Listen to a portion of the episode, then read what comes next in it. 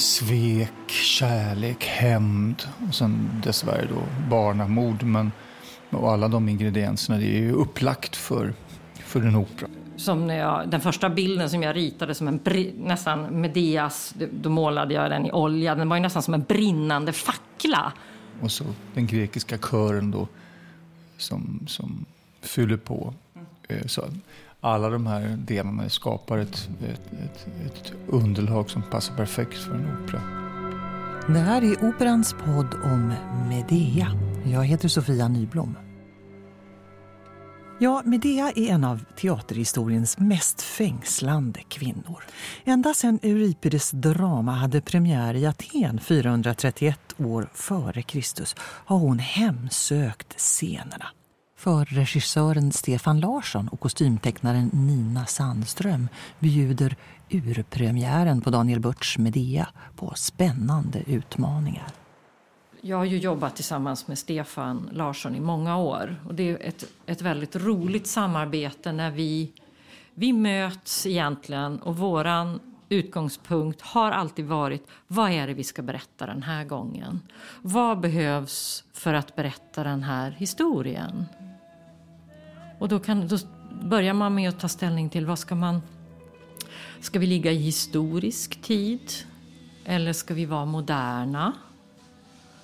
Eh, det är väl ofta det första eh, uttrycket man diskuterar, eller det första valet att göra. Och eh, här när vi började med Medea var vi lite inne på att kanske vara ännu mer historiskt korrekta, hur man nu man, man kan väl, det, det, är en historisk korrekthet man får gissa sig till men det, man kan ju komma långt med att fabulera.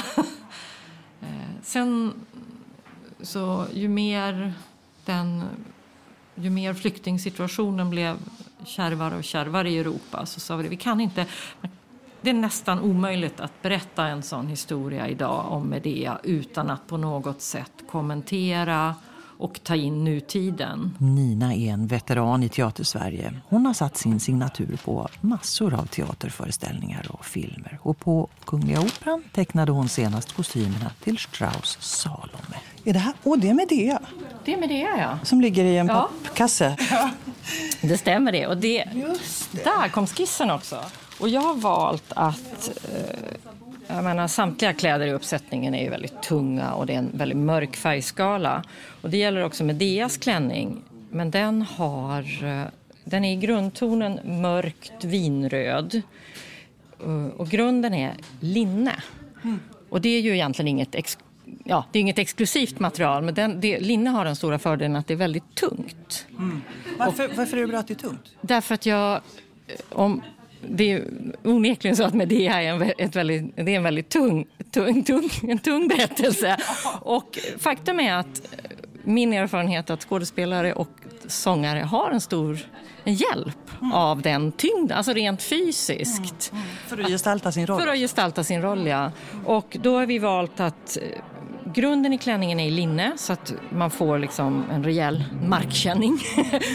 och, och, på det ska vi sedan applicera många vackra etniska tyger. Mm. Som ett lapptäckesklänning? Ja, faktiskt. Mm. Men du, jag tänkte apropå antiken, liksom, tittar man någonting sånt där på eh, Parthenon-friser och grekiska vaser och sådär eller är det inte, har det inte, hör det inte hemma här?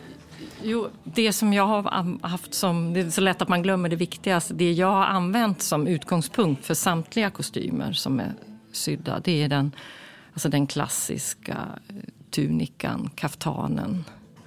Och då har jag, nog jag har inte varit specifik grekisk, för, jag, för man ser det hur folk i Europa och hela världen alltid har vandrat runt. Så den, den typen av eh, ett plagg som är väldigt enkelt tillskuret, väldigt vackert. Det, är det som är klänningen idag. Mm. Det har vi haft som utgångspunkt mm. när vi har skurit de här. Sen är de eh, naturligt med, med variant. Finns det något, har man någon hjälp av eh, texten? Det, det är ganska lite som talar om saker, utom de här giftslöjan och sådär. Det finns väldigt lite färg, så vad jag minns. Ja, det, nej, det det är det som är det absolut roligaste med mitt jobb. Det är det där att, eh, att läsa en text. Jag är alltid väldigt noggrann med när jag, när jag tar den till mig första gången. Att jag sitter sitter. Det ska inte vara... Eller att jag är ensam och att jag liksom kan ta det lugnt och ta vara på de första impulserna som kommer. Och då gjorde jag en, jag gjorde en målning när jag hade läst första gången. Och det är den här som är...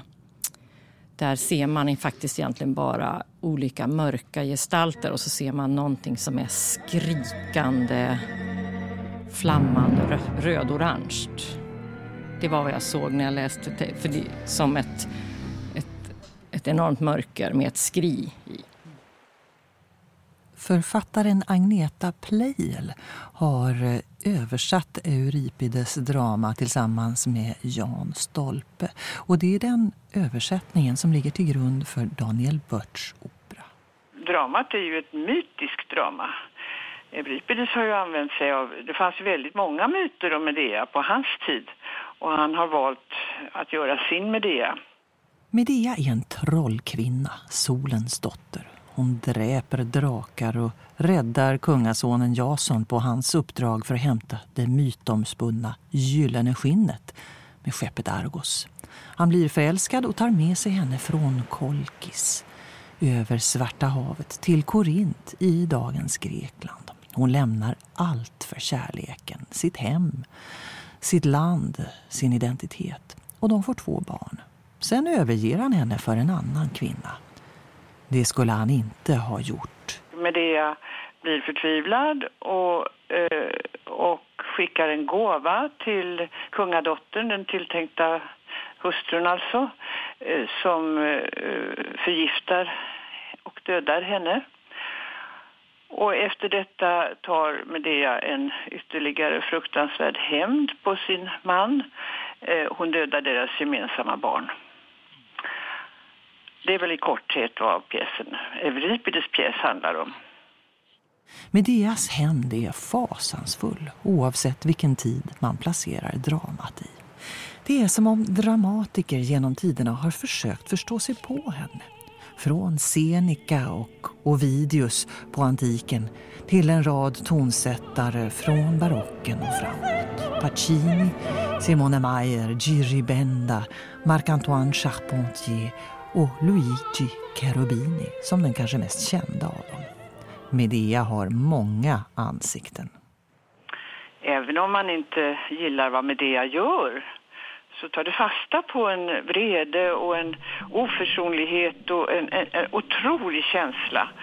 Eh, århundradens förtryck av kvinnan. Och det, det, är väl det som har gjort dramat så spelat och eh, så använt och lockat, eh, ja inte minst eh, musikskapare.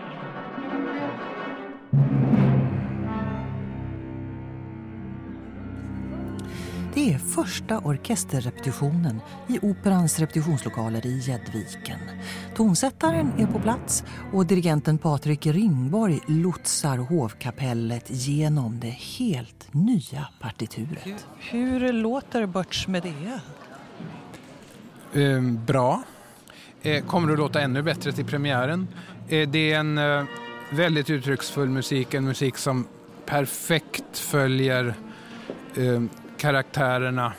Men inte bara följer det de säger utan även det de känner och tänker. Ehm, och det är väldigt roligt att få förmedla det till orkestern. Vi har ju också fördelen att tonsättaren lever och sitter här och, och kan nicka eller också säga, att om det är något, säga om det är något han vill ha på ett annat sätt. Eh, men där är det faktiskt så att Daniel Börts är så extremt både erfaren och och, och bra eh, hantverkligt så att eh, han sa egentligen bara till om en sak idag eh, på hela repetitionen. För han har skrivit hur han vill ha det och det är vår uppgift att omsätta det i klang. Vad var det han önskade sig? Det har jag glömt.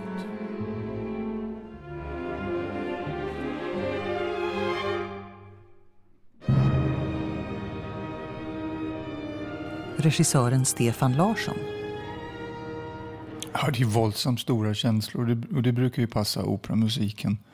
Det är ju någonting när man är kärlekskränkt. Det är ju någonting som väsentligt i en människa som kan gå sönder då om man inte är väldigt robust. Men när man, blir, man kan ha problem med jobb, pengar eh, och så vidare. Men det är någonting i den här kärlekskränkningen när man, som gör att folk i grund, alltså hela deras jag bara upplöses och man, man går sönder. Jag har ju vänner som, som sagt, som har går ner 10 kilo i, i vikt. Det ser ut som om hon varit med om något väldigt, väldigt traumatiskt. Och det är en väldigt traumatisk upplevelse. Så det är någonting som chockar det mänskliga systemet eh, över alla gränser. Och man blir en, en tid, går man in i ett sjukdomstillstånd. Nu är hon extrem eh, med det på ett sätt, men, och hennes handlingar. Men vi är ändå man kan ju hämnas på olika sätt, mm, både som man och kvinna. Man börjar ringa och terrorisera sitt ex, man skriver hotfulla brev, man, man kissar i brevlådan. Inte vet jag vad man gör, men, men det, människor blir väldigt banala, pinsamma och brutala, fula. Vi blir fula. I den meningen förstår jag Medea verkligen. Jag kan aldrig förstå att man kan döda sina barn. Det kan ju ingen förstå. Man blir bara sjuk av tanken. Men men jag kan ändå identifiera mig med Medeas panik som leder till den handlingen. Det kan jag ändå göra. Och jag tycker också att han har, att Daniel har hittat pan, paniken i musiken på ett väldigt vackert sätt. Mm. Hur låter paniken i musiken? Jag vet inte. Ibland verkligen, han skär upp dig bara. Han kan ligga ganska lyriskt och sen kommer det något, något hugg bara som man tänker, aj, vad var det där?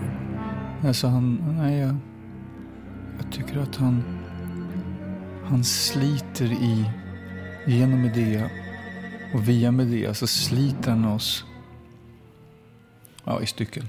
Jag, vet inte. jag tycker det är väldigt fint. Han har, jag tycker han har förstått Medea, Daniel. Jag tycker han har hela texten. Finns det någon eh, tröst att hämta i musiken? Ja, jag tycker att panik och lidande och, och vädjan är väldigt vackert.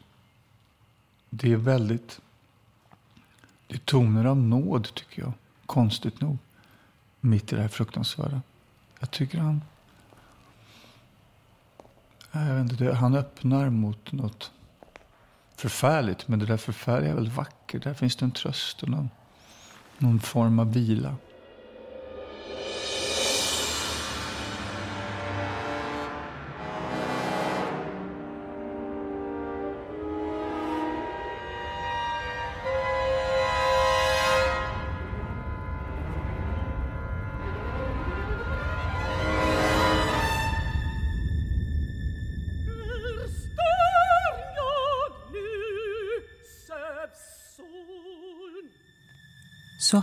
Lät det för 25 år sedan när det var urpremiär på Kungliga Operan på Daniel Börts första opera, Bakanterna. Också det en grekisk tragedi av Euripides om den svåra balansen mellan förnuftet och känslans berusning. Dirigenten för Medea, Patrik Ringborg, arbetade med den musikaliska instuderingen av Bakanterna. Det är ju eh, väldigt förknippat just med hans sätt att skriva som är både ömsint och, och väldigt känsloföljande men också kan vara väldigt monolitisk och brutal och, och stark. Och eh, det är ju något jag känner igen väldigt mycket i det här stycket. Eh, sen är det också så att det fanns ju ingen kör i bakanterna men ändå en, en kör som sjöngs av solisterna. Och här har vi operakören som sjunger. Eh, trots den skillnaden det, finns det många beröringspunkter även där i hur han skriver för många damröster. Han fick se en tjur i stallet dit de hade tagit mig. Den gav han sig på att tjudra. Gned och klövarbaljan upp. Sönderbiten genom svettigt främmande roseri. Slet hon med att fjättra djuret.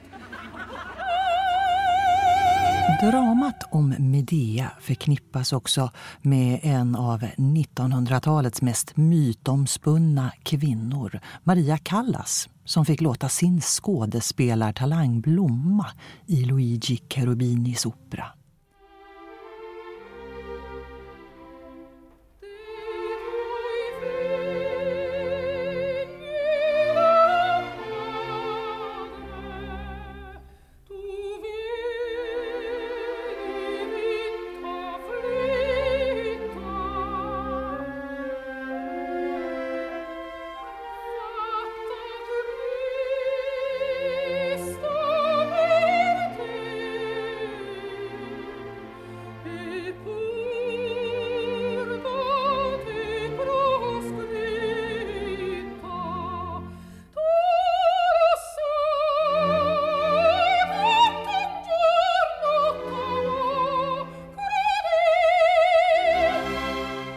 Callas inlevelse i Medeas raseri och förtvivlan gjorde att eh, Pier Paolo Pasolini valde att bygga sin filmatisering av Euripides drama kring henne.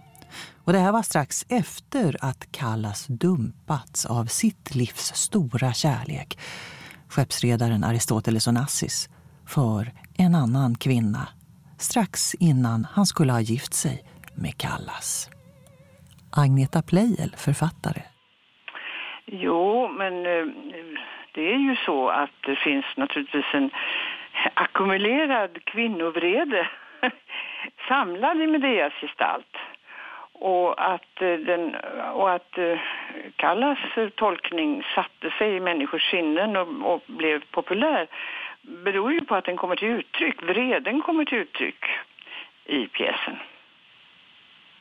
Och det är ju också så att Medea är inte riktigt vem som helst utan hon är en person med stor makt. Jason äh, gifter sig med henne därför att hon har gjort eh, ett stordåd ur hans synvinkel. Hon har hjälpt honom i det svåraste uppdraget som en man kan företa sig.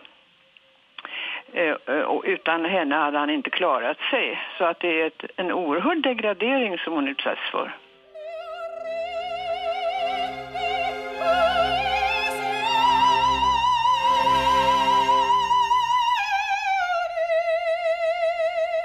Ja, i Maria Callas liv så möttes myt och verklighet. I Börts opera behåller Medea alla de yttre tecknen på sin status trots att allting omkring henne rämnar. Nina Sandström? Nej, det har jag valt att det ska inte synas i kostym. För det är väl också något, ibland kan jag höra folk säga så här, ja jag förstår inte de här flyktingarna man ser på Centralen, de är så välklädda och de har läppstift. Men det är ofta så att man i det att försöka behålla någonting i, när det är asjobbigt så försöker man hålla uppe sig själv. Stefan Larsson tolkar Medeas hämnd som en extrem reaktion på den kränkning hon utsätts för. En kvinnas underläge historiskt tror jag Euripides ville testa det enda liksom till slut för att komma åt ett förtryckande patriarkat. Det här är den, alltså den, den eh, liksom, det enda som verkligen kanske ger effekt på ett patriarkat. Det är att ta barnen ifrån honom. Döda barnen. Det låter ju fullständigt sinnessjukt. Men det är väl den totala liksom, feministiska reaktionen någonstans i, i den här paniken. Det här låter ju topptunnel, galet. Men det är någonting där som han testar. För hon, hon, hon är inne på det flera gånger med det att, att eh, nu var han färdig med mig, var klar. Han fick sina barn, jag av, han avlade. Och sen var, vi för, så, sen var det klart. Och han har säkrat tronföljden. Och allt annat liksom bekommer honom inte. Men om jag går in där. Det här är ju inte rationellt. Men det blir, det, jag får en känsla av att det är väldigt ytterst medvetet val av uh, Euripides att testa den här tesen. Alltså, där, slår hon tillbaks där, då kanske den här mannen och manligheten eller den liksom, överhuvudtaget anar eller förstår någonting mer om, om sakernas tillstånd. Herrkostymerna i Medea speglar kung Kreons och eh, Jasons makt. Här ligger kung Kreons rock och den är fortfarande i, ihoptråcklad och den är vinröd och den är ett exklusivt kashmirmaterial. Mm, jättevacker. Eh, och det är ju så att det star- som kostymtecknare, det starkaste vapnet jag har, eller min starkaste uttryck för att hjälpa till att berätta en historia, det är ju färg. Och det är ju klassiskt sån här bordeaux-röda, är ju makt. Har alltid signalerat makt. Och eh, även ett väldigt ett vackert material. Man kan tycka så här, vad ser man för Men det är just sådana saker som man faktiskt ser skillnaden. Syns det skillnad på liksom, om det är syntet Ja, och billigt känner- fladdrigt ja, eller om ja, det är en, en, en dyr Ja. ylle eller Ja, sida? ja, det gör man ju. Det ser man ju, för det är ju ofta den, den glansen som det blir. När, när, och framförallt när man är i ett riktigt scenljus, när ljuset träffar på materialet. Sen har jag valt då en, en Medeas älskade Jason, eller hatade Jason, kanske man ska säga. Han har, även han har en vinröd rock, men den här är i ett grovt linne som är lite eh, rufft skulle jag säga. Varför är det? Ja, det är lite hårt. Han är lite ruff. Ja, det är lite rufft. Det är nog, har gått lite rufft till där tror jag, strax innan. Det gör ju det. Ganska, redan i första scenen går det ju ganska rufft till. Medea vrålar ju hur mycket hon hatar honom egentligen från första. Och det finns ju... Hon vrålar ut sin sorg över att han har lämnat henne för prinsessan.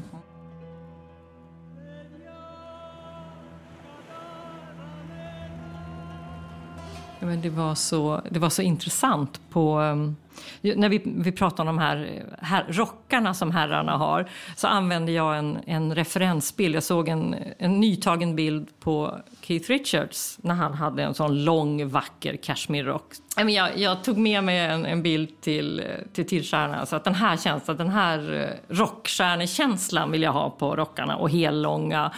Och sen var det så roligt när vi hade kollationering så berättade Jan Stolpe om Medeas olika eh, hur hon var kunnig i olika trollkonster och en av hennes specialiteter var att koka en goat's head soup.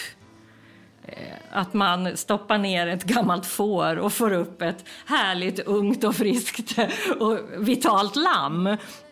Och för jag har alltid, eh, Rolling Stones på tidigt 70-tal så hade de en skiva med omslaget så var det en Goat's Head Soup. Och den där har alltid, jag, varit jag har alltid varit så fascinerad av den där. All, när man liksom hade sitt tonårsrum så hade man den där uppe på väggen. Och så bara, ah, det är hela grejen. Det är klart, de, den, där, den där kvinnan som kunde koka en soppa som kunde föryngra. Ja, de kunde, helt enkelt var det så att Mick Jagger och Keith Richards, de kunde sin, anti, sin an, antika, de kunde de antika historierna.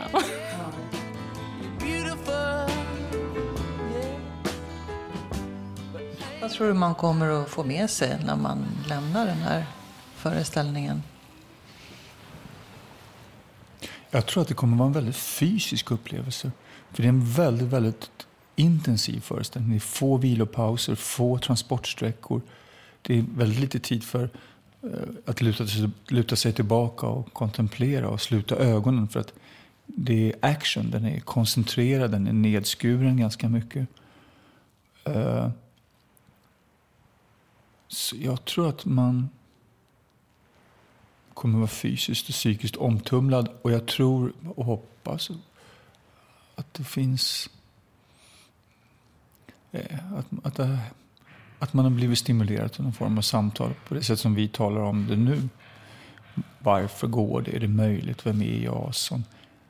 Är, han, är hans förklaringar okej? Orsaker till att han gör detta, är de acceptabla eller inte? Det finns mycket att tala om där. Sen är den ju, har den ju blivit, har den ju skrivit in sig i vår tid i den meningen att hon är, de är ju flyktingar.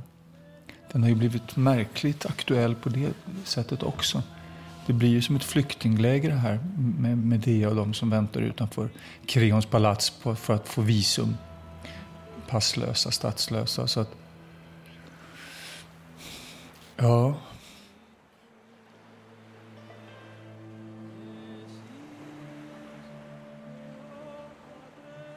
Du har lyssnat till Kungliga Operans podd om Daniel Börts Medea.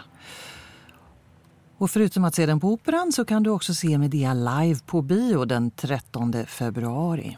Jag som är producent och programledare heter Sofia Nyblom och podden produceras av produktionsbolaget Munk.